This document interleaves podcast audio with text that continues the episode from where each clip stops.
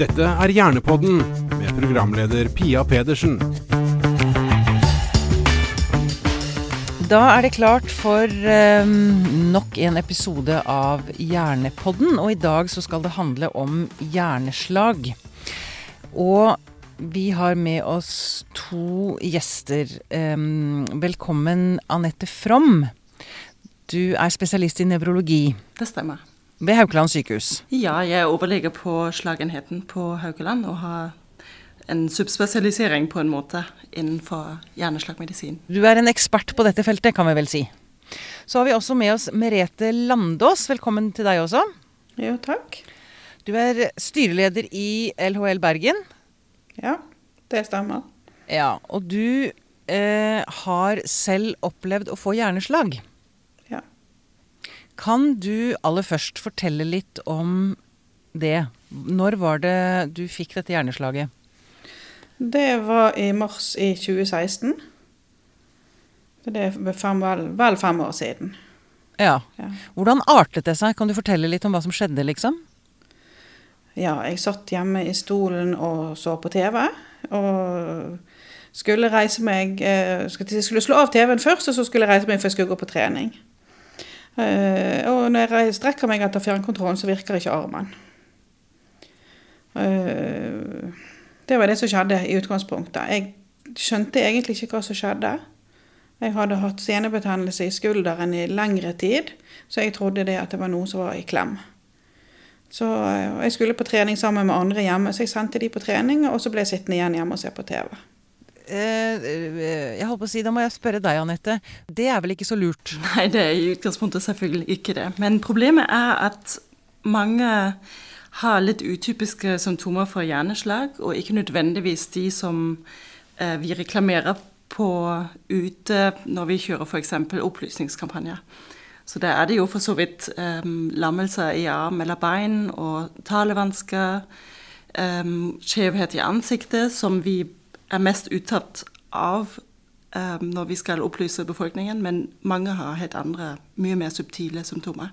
Hva skjedde videre da, Merete? Når skjønte du at det var noe mer enn en senebetennelse? Uh, Det var ikke samme dag. Uh, Jeg gikk og la meg. Jeg kan ikke huske egentlig alt, så eh, om det er hukommelsen eller om det er si, hjernen som har kuttet ut, jeg vet det faktisk ikke sikkert. Men jeg vet at jeg har gått ned trappen i huset og lagt meg for å sove. Eh, Og våkner neste morgen grytidlig og skal stå opp og tenker at jeg må ringe legevakten. Eh, fordi at jeg må ha en akuttime og få sjekket eh, skulderen. For jeg må sikkert ha noe Og du trodde fortsatt at det var skulderen det var noe problem med? Ja, helt til jeg skulle reise meg, for da, da veltet jeg. Ja. Og da skjønte jeg at det var noe annet. Men jeg ringte fremdeles ikke 113, jeg ringte lokal legevakt. Eh, Men fikk beskjed om at eh, det var ikke akutt. eh, Og anbefalte meg å komme i kontortiden og stille meg i kø, eller reise til fastlegen. Ok, nettopp. Ikke helt etter boken, men det var nå det som skjedde. Ja, nettopp. Og så til slutt så kom du Fikk du Ja, da, da reiste da, han som jeg da var gift med, han eh, kjørte meg til fastlegen. Eh, og da reagerte legesekretæren umiddelbart når jeg kom i luken der. Akkurat. Ja. Heldigvis en som skjønte hva som foregikk. Det var en som skjønte. ja. Ja. ja. Så, men jeg har sjøl alltid trodd at når du fikk hjerneslag, så eh, gjorde det vondt. Og det, jeg hadde ikke vondt noen steder som helst. Jeg bare var Nei. rar. Veldig rar. Nett. Mm, Nettopp. Det er mellom 10 og 12 000 nordmenn som får hjerneslag hvert år, stemmer det? Det stemmer. Det er en av de virkelig store hjernediagnosene. Mm. Er det vanlig at man ikke forstår hva som skjer? Eh, Det er dessverre ganske vanlig. Som sagt så prøver vi jo å informere befolkningen mye og jevnlig med disse opplysningskampanjene, for å gi i hvert fall de viktigste symptomene ut til befolkningen til å kunne håndtere i hvert fall disse, hvis de oppstår. Men mange får forvir forvirringstilstander, f.eks. Eller de får taleproblemer, kan faktisk ikke uttrykke seg. Eller kanskje heller ikke forstå det som skjer rundt ham. Um, og så finnes det områder i hjernen som heller gir sånne subtile symptomer som kan være veldig vanskelig å forstå som et hjerneslag, til og med for medisinsk personale. Akkurat. Nettopp. Nettopp. Hva er grunnen til at man får et hjerneslag? Er det en arvelig komponent her, eller? Eh, Det fins arvelig komponent, men hjerneslag er i veldig stor grad også rett og slett knyttet opp mot eh, det vi kaller for kardiovaskulære risikofaktorer. Også dis, disse kan selvfølgelig ha genetiske komponenter, men hjerneslag er en folkesykdom som har mye med livsstil å gjøre. Um, det, de viktigste risikofaktorene er jo høyt blodtrykk, diabetes, lite fysisk misjon og aktivitet, uh, alkoholforbruk, bruk av narkotika, eller høyt eh, kolesterolnivå f.eks. Røyking, ikke Ja. minst. Og så finnes det en hel masse mer sjeldne uh, situasjoner, eller også sykdommer, som kan føre til hjerneslag. Ja, nettopp. Men hva med stress? Det har jeg alltid tenkt har med hjerneslag å gjøre. Det gjør det faktisk. For spesielt yngre pasienter, eller kanskje middelaldrende pasienter, de kan ha et ganske høyt stressnivå. F.eks. i jobbsammenheng, eller hvis man har etablert en ung familie og har mye rundt det. Og det kan bl.a. f.eks. føre til høyt blodtrykk, som er en viktig risikofaktor. Ja, Så en god ting å gjøre sånn forebyggende, altså hvis, hvis man vet at man har høyt blodtrykk og diabetes, så bør man kanskje være ekstra var for hjerneslag? Det er i utgangspunktet riktig klart. Um, det gjelder for så vidt alle kardiovaskulære sykdommer. Men det som er ekstremt viktig når man har en kjent risikofaktor, at man faktisk følger den tett opp og behandler den slik at man med behandling kommer inn i helt normale, eller tilnærmet normale verdier i målingene av f.eks. blodtrykk eller blodsukker osv. Mm. Sånn at man minsker risikoen. Ja. Jeg har lyst til å s eh, høre litt med håper å si, dere begge, for det hm, det som jo alltid er litt sånn skummelt når- når det er en livsstilssykdom, føler pasienten da at altså skyld fordi man har fått et hjerneslag? Føler du skyld, Merete? Altså tenker du at ah, Nei. nei. Ikke, ikke i den forstand, men, men eh, i mitt tilfelle så det de har funnet, er jo høyt blodtrykk. De har ikke funnet noen andre eh, Jeg var jo eks-røyker i utgangspunktet. Eh, og jeg hadde si Jeg var for tung.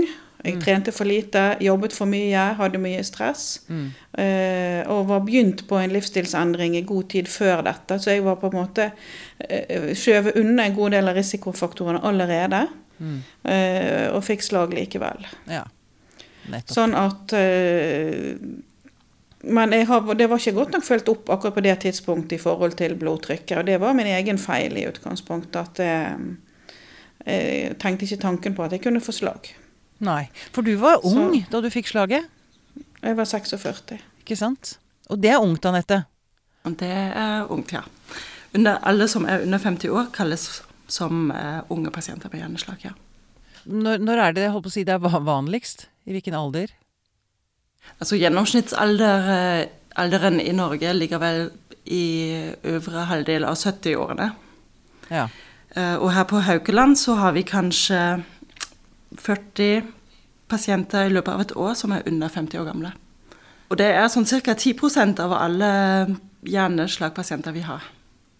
Ja. Veldig grovt. Em, nå har vi begynt vi har jo snakket litt om det, men hva er den beste forebyggingen? Altså, det er rett og slett å leve sunt som med alle andre sykdommer, liksom? Er det andre ting man skal liksom være obs på akkurat, akkurat når det gjelder hjerneslag? Ja, det er det. Altså det fins en del sykdommer som gir en ganske økt risiko for et, for et hjerneslag. Det som er mest vanlig da, er jo faktisk hjerterytmeforstyrrelse.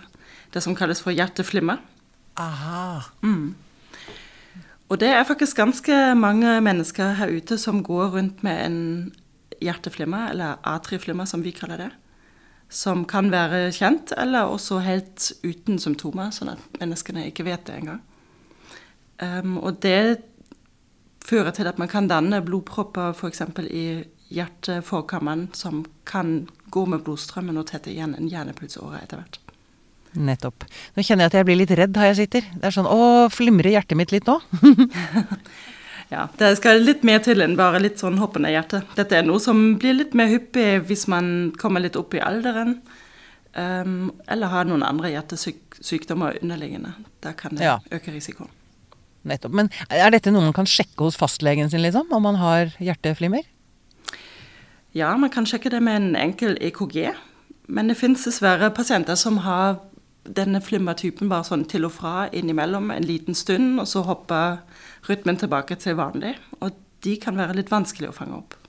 Hvis ikke man flimrer når man er hos fastlegen, så blir det, finner, man, finner man ikke, ikke sant? Mm. Ja, hvis man har mistanken, så kan man ta langvarig registrering av hjerterytmen. Da har man litt bedre sjanse. Ja, nettopp. Er det andre ting du mener er viktig å si sånn når det gjelder forebygging? Ja, altså spesielt i yngre aldersgrupper så er risikoprofilen litt annerledes. Jo yngre man er, jo mindre av de vanlige tradisjonelle risikofaktorer har man ofte, selv om de øker. Um, her har vi f.eks. en stor gruppe med pasienter som kan få skader på sine pulsårer. Gjerne i forbindelse med idrett eller med mindre traume. Små ihell som et sykkelvelt kan være nok. Eller det kan skje i forbindelse med graviditet, når man har på en måte en naturgitt økt tendens til å danne blodpropper. Så det er også en periode i livet der man må være litt ekstra eh, påpasselig med rare symptomer. Men hva er risikoen for å få nye slag når man først har hatt ett? Eh, risikoen er absolutt til stede, men den er også veldig avhengig av hvor flink man er til å følge opp og bruke faktisk sine anbefalte medikamenter framover. De kan aldri garantere at det ikke skjer igjen, men de kan minske risikoen. Så det er med medikamentell behandling, og, og selvfølgelig også livsstils... eh, altså passe på livsstilen sin. Absolutt. Livsstilsendring er jo den hovedsaken som pasienten må bidra til i veldig stor grad selv. Ja. Og du da, Merete, er du flink til dette?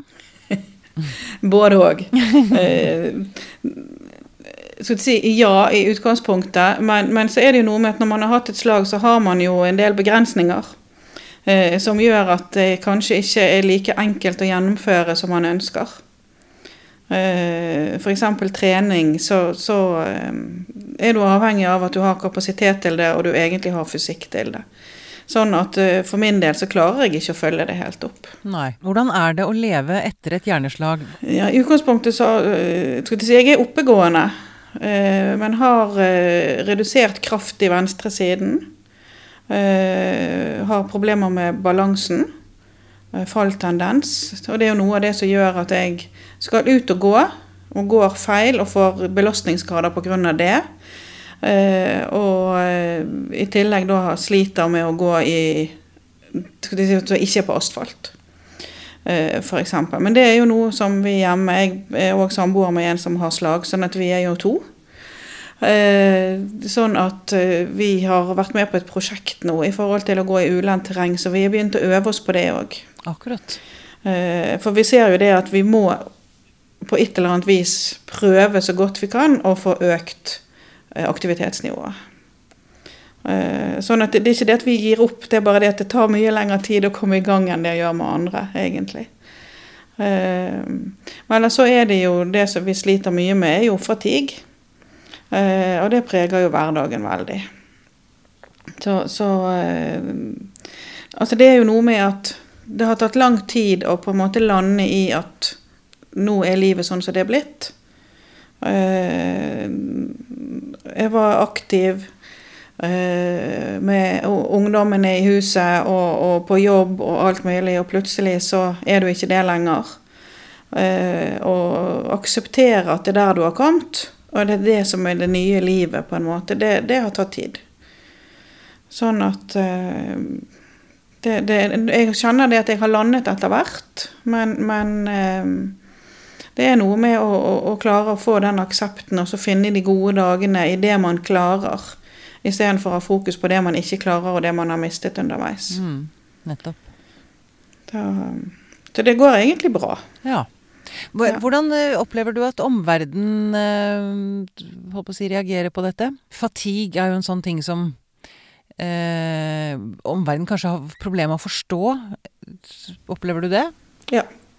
Det, jeg, jeg, for å si det sånn, jeg kan forstå at folk ikke forstår. Mm. Eh, Jeg er utdannet sykepleier selv og har jobbet med mange pasienter med mange forskjellige diagnoser. Og eh, når man ikke har skoene på, så, så kan man på en måte prøve å akseptere det som den andre sier. Men, men eh, å forstå det fullt ut, det tror jeg ikke man kan uansett. Nei. Og akkurat det med fatigue, da tenker folk at ja, men bare du sover litt lenger, så går det så mye bedre. Jeg sover i hvert fall ti timer natt, og må likevel sove på dagtid. Eh, Og jeg har kun én aktivitet hver dag. Mm. Så når jeg skulle her i dag, så har jeg hatt fri i hele dag. Ja. Eh, Og må sikkert òg sove litt ekstra i morgen tidlig. Ja, Jeg må Så, si tusen takk for at du stiller opp på det. Det gjør man jo alltid. Mm. Men det er noe med at det er ingen som ser meg når jeg ligger i sengen. Mm. De, de ser, altså Når jeg går ut døren, så er jeg i godt humør og, og på en måte har det kjekt og koser meg og nyter livet.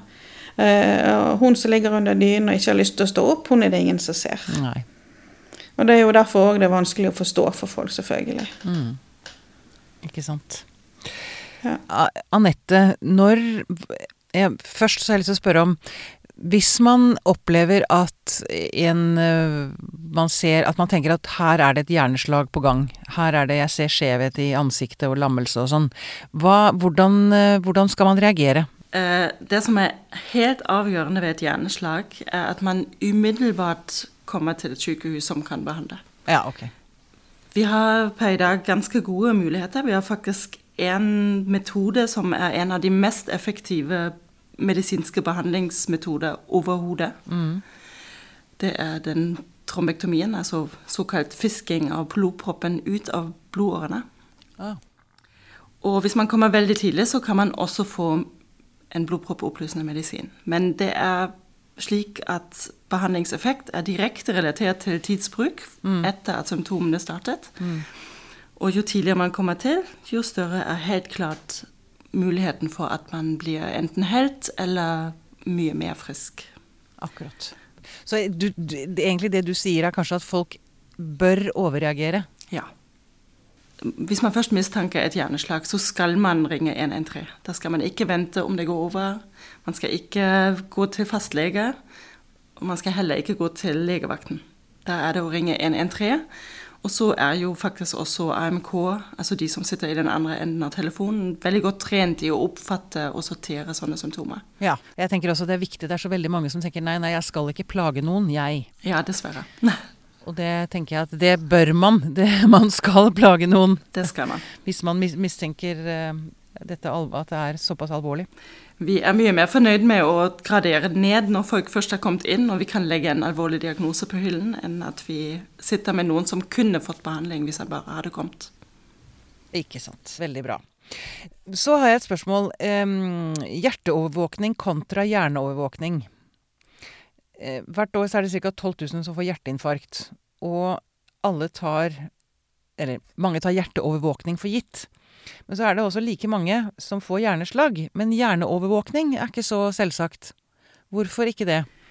Dessverre. Vi jobber ekstremt med det, eh, både internasjonalt og her i Norge, faktisk, for å få fokuset opp. Hvorfor det er slik, er litt vanskelig å si, men en av hovedpoengene, kanskje sånn veldig lett forklart, er at et hjerneinfarkt kan være fryktelig vondt, mens et hjerneslag som oftest ikke er vondt i det hele tatt.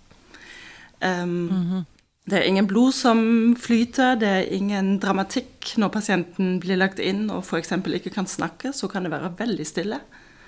En god kollega av meg pleide å si hjernen dør en, eh, en rolig død. Fordi hjernecellene dør veldig, veldig fort, men det lager veldig mye um, Det lager ikke mye dramatikk rundt. Um, og ellers så er det jo rett og slett en eh, sak av kompetanse som må utvikles.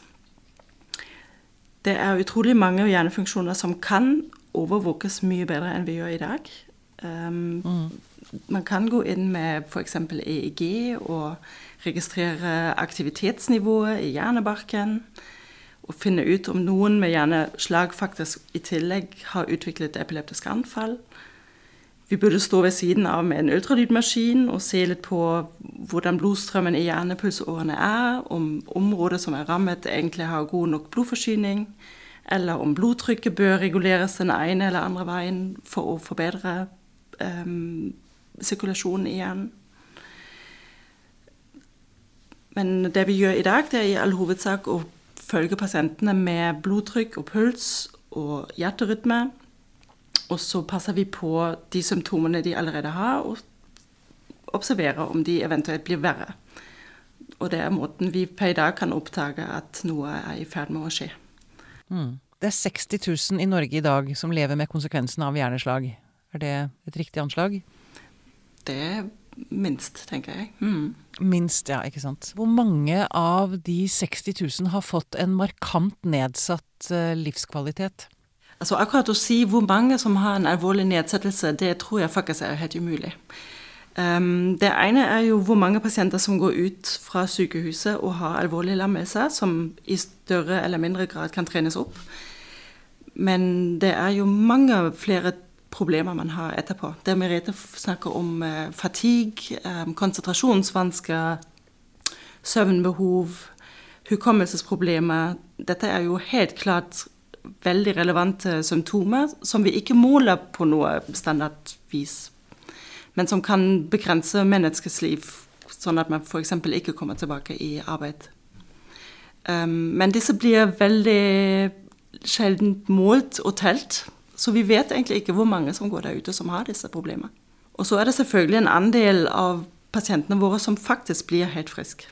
Helt symptomfri, holdt jeg på å si? Altså helt uh, tilbake som der de var før? Noen få blir fullstendig symptomfrie og har så vellykket behandling at de kanskje til og med kom tidlig nok at de ikke utviklet et varig arr i hjernevevet. Ja. Eller noen får såpass god og rask behandling at eh, den skaden som skjer i hjernen, kan minimeres. Og de vil jo selvfølgelig ha best mulighet for minst mulig sikvele eller varige utfall. Ja, Men og, hører jeg deg rett når altså, det er ene og alene fordi de kommer tidlig til behandling? Um, eller er det andre ting som kan spille inn på at man eh, får en bra rehabilitering? At man kommer tilbake til det, det er flere ting som spiller inn. Hvis man er veldig heldig og har en meget god anatomisk eh, byggeplan når man blir eh, laget eller født, så kan man faktisk klare seg selv med en stor blodpropp, fordi andre, eh, unnskyld, andre blodårer i hjernen klarer å overta funksjonen. I hvert fall i en periode frem til man får ut den proppen. Um, og så er det selvfølgelig helt vesentlig hvor god rehabilitering man får. De som har omfattende tverrfaglig rehabilitering med både fysioterapeuter, ergoterapeuter, logopeder, gjerne psykologer, de vil også ha den beste muligheten faktisk å trene opp eh, tapt funksjon. Mm. Men det krever en innsats. Ok. Um, Merete, hvis du skulle ønske noe. Og en ting er altså ønske for deg selv, men også for forskningen eller utviklingen av altså behandling av hjerneslag. Hva, hva ville det vært? Ja, Det første jeg tenker på, er jo egentlig bedre rehabilitering lenger. Eh, for det første så er det et veldig stort fokus på fysisk rehabilitering. Eh, det er vel og bra. Eh, men det er veldig lite fokus egentlig både på kartlegging og rehabilitering av det kognitive. Og de si, yngre folk som jeg snakker med en del og treffer, er det veldig mye det kognitive de har fokus på. Ja, som, som hva da? Hva er det man sliter med da? Det er jo, som Anette sa i sted, bl.a. hukommelse. De fleste sliter med fatigue. Eh, og er veldig sliten og veldig redusert. Eh, konsentrasjon. Eh, det er en god del som sliter med både lyd og lyd, lyd og lyssensitivitet. I forhold til lys så får man jo da forskjellige filterbriller og sånt som kan hjelpe til. I forhold til lydsensitivitet så er det jo en del opptrening man kan gjøre, men man sliter jo da egentlig å kan gå i butikk, f.eks. For eksempel. eh, fordi at det er musikk på, og det er andre som snakker, så blir det egentlig litt sånn kaos i hodet. Litt overload i hodet. Så, så eh, i tillegg så ser vi jo det at de aller fleste jeg snakker med, i hvert fall her i Bergen, sliter med å få oppfølging av fysioterapi noe særlig lenge. Eh, og jeg ser jo i forhold til opptrening, det er jo noe med at eh, Egentlig skulle si, Vi må trene resten av livet for å holde oss i best mulig fysisk form, og, og at armer og bein virker best mulig. Eh, For å gjøre øvelsene riktig, så må det man jo kanskje ha en fysioterapeut hver tredje uke, hver fjerde uke, som kan se at du gjør det riktig, eh, for at du skal gå hjem og øve videre sjøl. Mens det vi hører, og jeg har opplevd sjøl òg, at vi er ikke spennende nok som pasienter. Dere er ikke spennende nok. Nei. Det er ikke noe spennende for en fysioterapeut med en som kommer innom hver tredje uke i fem år. Eh, Og fremgangen er kanskje liten, men eh, hvis vi holder oss på det samme nivået hele veien, så er vi godt fornøyd. Og hvis vi klarer å bli bedre, så blir vi enda mer fornøyd. Eh, Men, men eh, vi ser det at det, det er ikke noe prioritert pasientgruppe. Eh, Og det er jo sagt at veldig mye av rehabiliteringen skal foregå på kommunalt nivå. Eh, Men skal vi få den hjelpen vi trenger, så må vi til privat fysioterapeut eh, som ikke har eh, eh, tilskudd fra kommunen, ikke har avtale. Og dermed så blir det for dyrt for I hvert fall for de av oss som er ufør. Ja. Så, så eh, mye bedre oppfølging over lang tid og muligheten til å få hjelp og støtte videre. Vi, på en måte, vi er på en måte ferdigbehandlet uten at vi mener det sjøl. Så vi er ikke helt enige med at vi er ferdigbehandlet. Så, så Hva, hva sier du til dette, Anette? Nei, for å være helt ærlig så må jeg si at jeg skulle ønske at vi hadde et større kapasitetstilbud i forhold til omfattende spesialisert eh, rehabilitering etter hjerneslag. Det er gjerne de større sykehusene som har en tilknyttet avdeling som er spesialisert for det. Um, men også her er faktisk de plasssituasjonen f.eks. kan være begrenset, sånn at man må velge nøye hvilke pasienter som kan få denne type rehabilitering, og hvem som må på en måte rehabiliteres på et hakket lavere nivå. Fordi man ikke kan få alle pasienter inn i høyspesialisert rehabilitering. Men det tilbudet skulle jeg personlig ønsket vi kunne utbygget mer. Ja. Er det andre ting du ønsker i tillegg til det og en bedre altså, hjerneovervåkning for feltet? Ja, altså det Hjerneslagbehandlingen er et felt som krever faktisk kompetanse av veldig mange medisinske spesialiteter. Vi er avhengig av mange andre leger på sykehuset og senere utenfor. Um, vi trenger kompetanse som vi i utgangspunktet ikke har som nevrologer nødvendigvis selv, men som vi kan få hvis vi bare jobber tett sammen. Og vi er jo i Norge i ferd med å jobbe for et ganske likestilt tilbud for alle pasienter over det hele. Sånn at alle skal få raskest mulig og best mulig behandling. Um, og der krever det bl.a. f.eks. godt samarbeid og god utdanning i de prehospitale tjenester. Prehospitale? Blant annet. Mm. Inne på sykehus vil det være kardiologer, det vil være behov for geriatere, for andre indremedisinske områder, for revmatologer, fordi hjerneslag så ofte er knyttet opp mot andre vesentlige grunnsykdommer. Som vi selvfølgelig ikke kan være spesialist i, alle sammen. Da øh, si, sender vi denne ønskelisten videre til politikerne. Gjerne det. altså det vi Det er en ting som vi faktisk jobber med i Norge for tiden, og det er at vi ønsker å løfte slagenhetskvaliteten til et høyt nivå i hele landet. Så vi ønsker f.eks. at man innfører en slags sertifiseringsordning, sånn at en slagenhet eller et større slagsenter må fylle helt klare kriterier for å håndtere pasientene på forskjellige nivåer.